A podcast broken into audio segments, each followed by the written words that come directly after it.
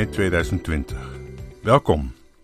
Ik heb bij de podcastaflevering van 4 april over de Matthäus Passion beloofd om terug te zullen komen op de woorden waarmee Bach zijn Matthäus Passion begint. Toen Jezus zijn toespraak had voltooid, zei hij: Zo begint het bij Bach. Maar wat had Jezus dan gezegd? Daar gaan we het vandaag over hebben. Het is een verhaal dat Jezus vertelt, een verhaal dat op zoveel misverstanden stuit, dat het haast niet meer onder die dikke deken van misverstanden uit te halen valt, en toch wil ik dat proberen. Het is een verhaal waarbij het niet gaat over de enkeling, maar over de volkeren. Een verhaal waarin er sprake is van hemel en hel, maar wel op een heel bepaalde manier, en waarbij de hel niet de bedoeling van God is en zeker niet de plaats waar mensen heen worden gestuurd. Een verhaal ook waarbij het overbekende onderscheid tussen verticalisme en horizontalisme in de woorden van Jezus schijnheilig en leugenachtig is en een heel bedenkelijk doel dient. En tenslotte als vierde een verhaal waarbij godsdienst een bepaalde vorm krijgt waarvan wij geneigd zijn te denken: nou moe, als dat alles is. Het gaat om de tekst van Matthäus 25, vers 31 tot 46. Het zou nog het makkelijkst zijn als u de tekst erbij kon hebben, maar bij podcasting kan dat nu eenmaal niet. Voor degenen die toegang hebben tot mijn Patreon-pagina, die kunnen hem daar downloaden. U kunt me ook een mailtje sturen. Stuur dat dan naar scheiding.jurgenvandenherik.nl. Dan stuur ik u alsnog de tekst per omgaande toe. Nou goed, voor wie nu doorgaat met luisteren, ik heb deze gelijkenis van Jezus al vaker in gemeenten en kerken besproken. En telkens zijn er nogal wat christenen, kerkmensen, die niet kunnen geloven dat Jezus dit gezegd zou kunnen hebben. Die vinden het niet passend binnen het christelijk geloof en binnen de christelijke geloofsovertuiging. Dat vind ik op zich een wonderlijk fenomeen, want ik denk dat zij wel eens gelijk kunnen hebben. Eh, dat het niet past binnen de overtuigingen van de christenen of van de christelijke kerk. Dan ontstaat uiteraard een interessante kwestie, namelijk: kan Jezus iets zeggen dat haaks staat op wat de kerk zegt? En zo ja, moet Jezus dan er het zwijgen toe doen, omdat hij zich buiten de vastgestelde lijnen van de naar hem genoemde kerkelijke leer begeeft. Dat zou toch een wonderlijk fenomeen zijn. Toch zie je in de vertalingen die in die kerk worden gemaakt en verkocht en helaas ook nog gebruikt, een voortdurende poging, regel na regel, om dat wat Jezus zegt als het ware ongedaan te maken. Vanuit de gedachte: dit kan hij zo niet bedoelen. Ja, ik heb het nu steeds over wat Jezus zegt, maar dat weten we uiteraard niet. Wat we weten is dat Matthäus het Jezus laat zeggen in zijn evangelie. En Matthäus heeft er blijkbaar reden voor om dat zo te doen. In de Matthäus Passion begint de lezing van de tekst na dit gedeelte, nadat Jezus zijn toespraak beëindigd had. Dat is deze tekst die we vandaag bespreken. Dit verhaal, dat gaat over de koning als rechter, Matthäus 25, vers 31 tot 46, zoals gezegd. Het is een afgerond verhaal met een heldere inleiding en een in het oog springende conclusie. In het verhaal kom je van de inleiding via twee dialogen die veel op elkaar lijken, maar als je goed kijkt toch weer helemaal niet eigenlijk. Van de inleiding via die twee dialogen kom je dan tot de conclusie.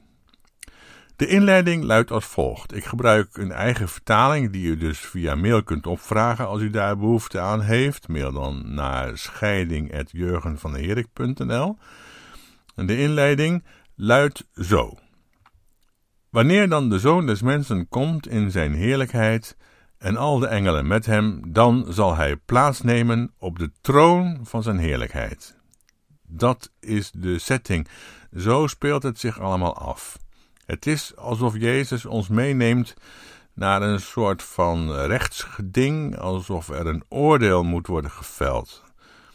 Het is een beeld dat velen van ons misschien kennen. In onze jeugd werd er nogal op gehamerd, althans in de mijne.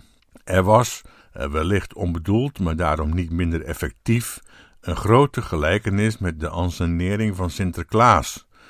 Dat je bedeesd en bedremmeld naar voren stapte als je naam werd genoemd en dat de Sint dan vroeg: Piet, geef het grote boek eens aan.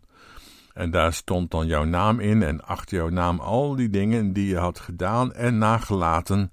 En er werd over jou een oordeel geveld. Was het rechtsaf de hemel in of werd je bij je lurven gepakt? En hoezeer je ook zou tegenstribbelen van nee, nee, nee en ik wil niet, met de harde hand linksaf meegesleurd en in de diepte van de brandende hel geworpen. De overeenkomsten van de God die we geloven of waar we bang voor zijn en Sinterklaas zijn niet gering. En die spelen ons meer parten dan we denken of vermoeden. Nou ja. De inleiding gaat nog verder en luidt dan als volgt. Elke regel beginnend met het woordje en, drie keer. En al de volken zullen voor hem verzameld worden, en hij zal ze van elkander scheiden, zoals de herder de schapen scheidt van de bokken, en hij zal de schapen zetten aan zijn rechter en de bokken aan de linker.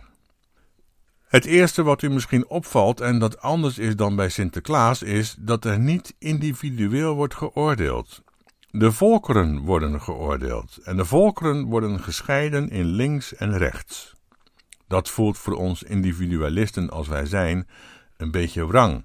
Ben ik dan persoonlijk verantwoordelijk voor het doen en laten van het eh, collectief? Maakt wat ik doe of laat niet uit en word ik tot een grote groep gerekend? Dat lijkt nu een belangrijke vraag, maar die zou ons kunnen verhinderen om verder te lezen. Want er is aan dit verhaal ook een conclusie en het is belangrijk om vooral die conclusie goed te horen. Eerst nog even over dat rechts en links. Matthäus gaat heel zorgvuldig om met de details, om geen enkel misverstand over het bedoelen van dit verhaal te laten ontstaan. Dus moeten wij ook zorgvuldig omgaan met die details, anders ontstaan de misverstanden bij bosjes tegelijk.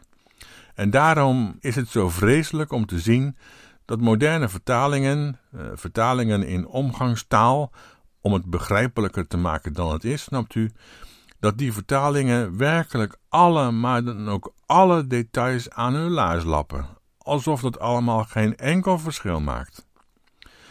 Zo staat er in de inleiding dat de koning de schapen zal zetten aan zijn rechter. Zijn rechter bedoeld is wellicht uh, zijn rechterhand, maar dat staat er eenvoudig niet. Er staat alleen maar dit. Hij zal de schapen zetten aan zijn rechter en de bokken aan de linker. Niet zijn linker dus, maar de linker. Alsof de koning met de linker niets heeft. Het is in elk geval niet het zijne. Nou, dat wat de inleiding betreft, dan nu eerst de conclusie van het verhaal. En het is belangrijk om die conclusie goed te vertalen, want die twee dialogen die ertussen zitten, moeten op een logische manier tot die conclusie leiden, uiteraard. De conclusie luidt zo. En deze zullen heen gaan naar de eeuwige straf, maar de rechtvaardigen naar het eeuwige leven. Dat is de conclusie. Een aantal zaken vallen op. Er is sprake van rechtvaardigen. Je kunt je afvragen, zijn er dan ook onrechtvaardigen? Daar laat de tekst zich niet over uit. Ook niet in de twee dialogen die we straks uitgebreid zullen bespreken. Maar wat misschien nog belangrijker is, er staat dat ze zullen gaan. Er staat dus niet dat ze erin zullen worden geworpen. Zelfs niet dat ze moeten gaan. Gewoon, ze zullen gaan. Alsof Jezus teleurgesteld is dat ze gaan. Vreemd. De begrijpelijke vertalingen vonden het zo vreemd dat ze er maar wat van gemaakt hebben. De Bijbel in gewone taal bijvoorbeeld brouwt er dit van. Die mensen krijgen de eeuwige straf, maar de goede mensen krijgen het eeuwige leven. Dit is begrijpelijk Nederlands, maar heel iets anders dan wat Jezus zegt. Jezus heeft het nergens over goed of slecht. Hij noemt de rechtvaardigen. Maar die term doet de vertalers blijkbaar zozeer aan tzadikim, rechtvaardigen, denken. En die BGT-vertaling heeft zo'n hekel aan het Joodse karakter van de Bijbel, dat die vertaling op veel plaatsen spreekt van goede mensen. En daarmee worden dan in alle gevallen de christenen bedoeld. En daarnaast of daartegenover spreekt de vertaling dan altijd van de slechte mensen. En in veel gevallen zijn dat de mensen die zich aan de Torah houden. Ik zou u daar afschrikwekkende vertaalvoorbeelden van kunnen noemen. Eh, om een uitspraak van onze koning te variëren. Sobibor begint niet alleen op een bordje bij het Vondelpark, maar misschien ook in een vertaling die door veel christenen wordt gebruikt. Ze zullen gaan, luidt de conclusie. Zo neutraal schrijft Matthäus het op. En zo neutraal hebben we het ook te vertalen, lijkt me. Maar nu de vraag: is dit een gerechtvaardigde conclusie uit die twee dialogen die zijn gevoerd? Ze zullen gaan, alsof ze dat ook zouden kunnen laten en niet gaan. Want zo luidt immers de conclusie van het verhaal. Laten we ons nu dan maar bezighouden met die twee dialogen die tot deze wat vreemde conclusie zullen leiden. Opnieuw een waarschuwing aan u. Het is echt totaal anders dan u misschien denkt, dus als u verder luistert, dan kon uw wereld wel eens op zijn kop komen te staan. Nou goed, we gaan door. De beide dialogen bestaan uit drie scènes en de afzonderlijke scènes worden ingeleid met de woorden dan en en. In het Grieks is dat totte en kai. De eerste dialoog is dan onderverdeeld in totte, totte, kai. En de tweede dialoog in totte, totte, totte. Dus dan, dan en. Dan zal de koning, eerste scène. Dan zullen de rechtvaardigen, tweede scène. En de koning zal, derde scène. Dus in de derde scène is het niet meer dan, van dan, dan, dan, maar is het en alsof er een toenadering, een verzoening, een saamhorigheid, een verstandhouding tot stand komt.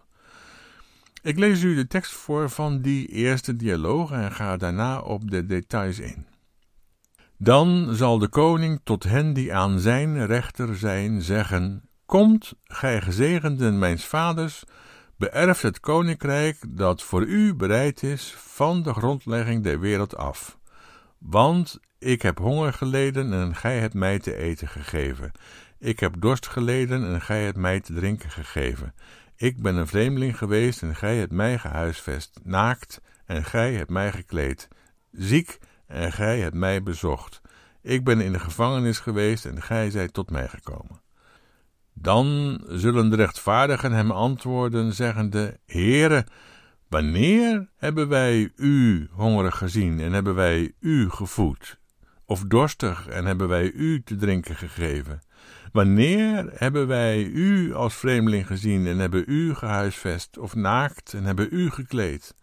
Wanneer hebben wij u ziek of in de gevangenis gezien en zijn tot u gekomen? En de koning zal hun antwoorden en zeggen: Voorwaar, ik zeg u, in zoverre gij dit aan een van deze mijn minste broeders hebt gedaan, hebt gij het aan mij gedaan aan mij. Dat staat er in het Grieks. Aan mij. Dus niet uh, voor mij of in mijn naam of zoiets. Doe je iets aan de hongerigen of degenen die dorst hebben, de vluchtelingen of de gevangenen, de armen, zeg maar even, hè, want, want zo laat Matthäus Jezus zijn eerste woord spreken, zalig de armen, dan doe je het aan mij, want de armen en ik zijn één. Hè, dat is de idee.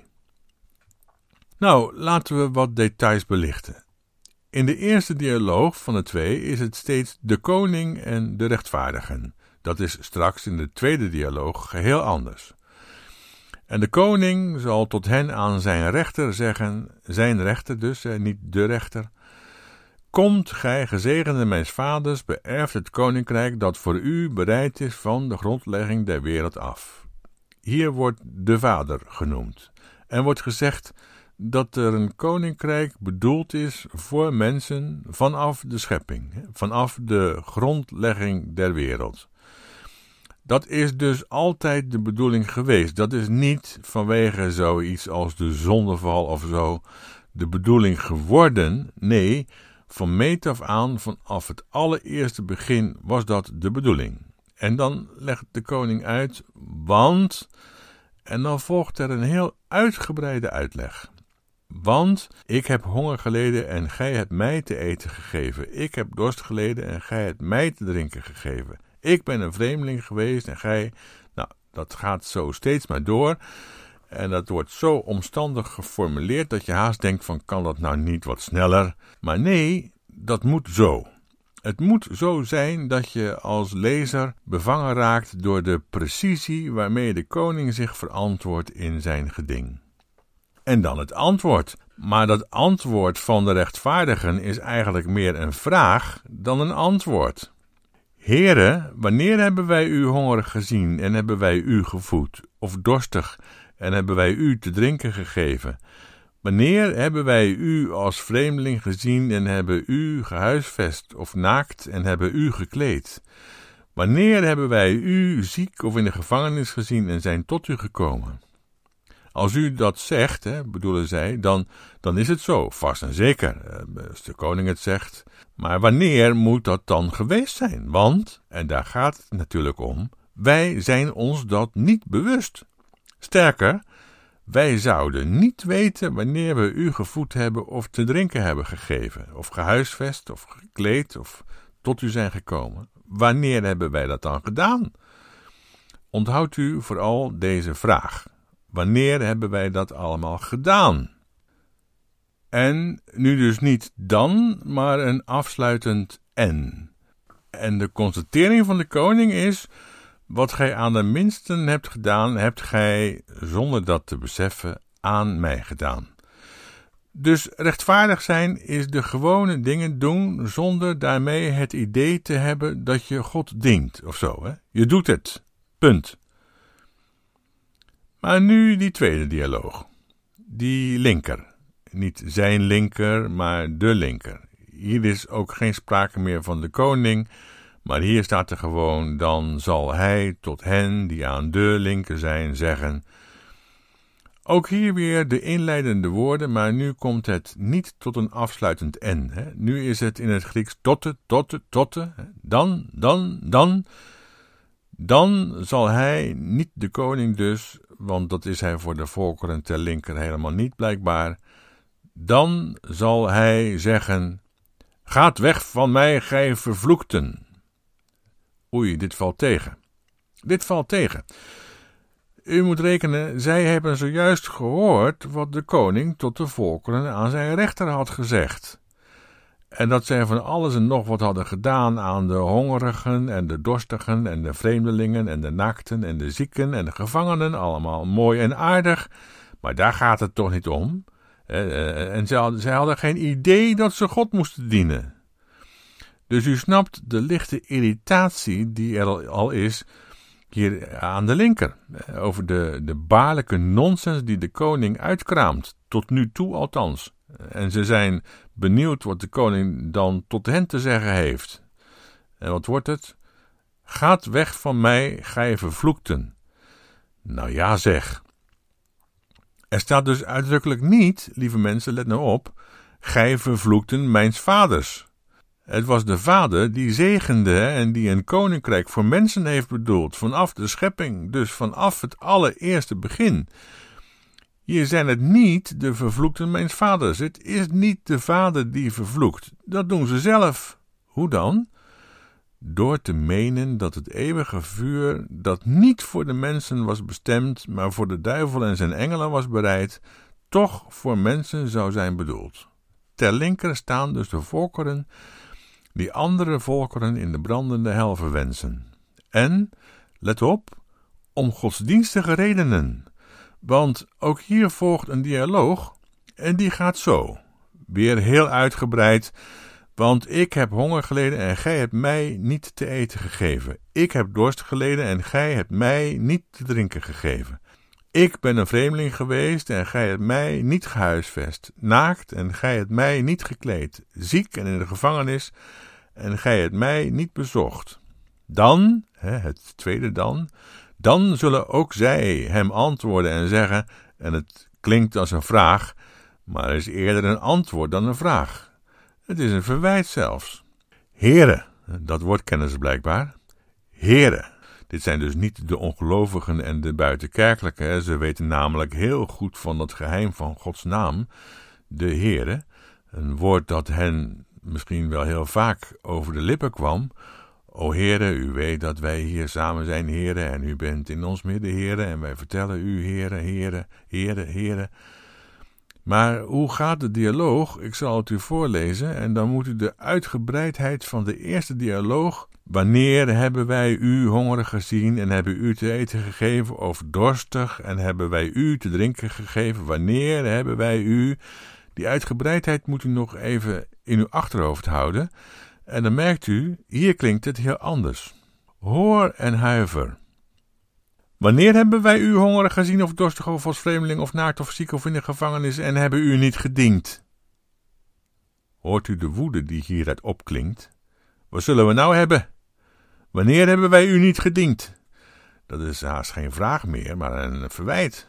We hebben u toch potverdorie altijd gediend. Wat gaan we nou krijgen? We hebben niks anders gedaan dan u gediend. In de eerste dialoog was het nog: wanneer hebben wij dat allemaal gedaan? Hier is het.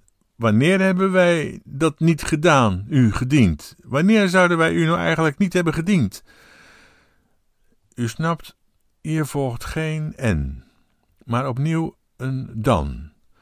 Waarbij hij, die hier niet de koning wordt, zegt: Als je niet de hongerigen en de dorstigen en de vreemdelingen en de zieken en de gevangenen dient, dan dien je mij niet, ook niet met diensten godsdienst om de godsdienst is niet een goed begin, maar is een vals spel. Je, je kunt dus niet zeggen, we gaan eerst God dienen en dan daarna gaan we proberen om iets te doen aan de honger en de dorst en de vluchtelingen in de wereld. Maar ja, daar gaat het eigenlijk niet om. Als het daar niet van meet af aan om gaat, dan kan het niet anders of die godsdienst denkt in goed en kwaad, wij en zij, wij die er komen en zij die door God zijn verworpen. Tegen zo'n godsdienstig onderscheid dat uitgaat van wij en zij, en dat tot in de eeuwigheid zal worden voortgezet met een eeuwige hemel en een eeuwig hellevuur, keert zich deze gelijkenis van Jezus. En deze volkeren ter linker waren al zo beledigd door wat de koning tegen de rechtvaardigen had gezegd, ze zijn nu helemaal woedend, met stoom uit de oren, nu hij tot hen roept: dat helle vuur dat niet voor mensen is bedoeld, ga daar maar heen dan. En zo wordt de conclusie een bitter, bitter raadsel. Waarom gaan ze? Dat hoeft toch helemaal niet? Waarom zouden ze dat doen? En dan begint de Matthäus-passion, met een lezing uit Matthäus over iemand die ter helle gaat. Want honger hebben en dorst en naakt zijn of ziek of in detentie te moeten zitten, dat is vaak de hel. Ja. En nu gaat Matthäus vertellen van de Messias die zich gaat vereenzelvigen met degenen die honger hebben en dorst. Hij zal zelf gevangen worden genomen, naakt aan een kruis worden gespijkerd, als een vreemdeling buiten de stad. Dus om de Matthäus-passion te begrijpen, en niet te vervallen in een soort medelijden met het lijden van Jezus, die, die ach, ach, ach, arme stakker, zo moet lijden, omdat God hem dat zo aandoen. Om de Matthäus persoon te begrijpen is het wel belangrijk om toch dit verzwegen verhaal te kennen. Mocht u vragen hebben of willen reageren of tegenwerpingen zelfs, helemaal goed. Schrijf aan scheiding.jurgenvandeherik.nl en ik kom er dan bij u op terug. Dit was het voor vandaag. Ik wens u een goed weekend en tot volgende week.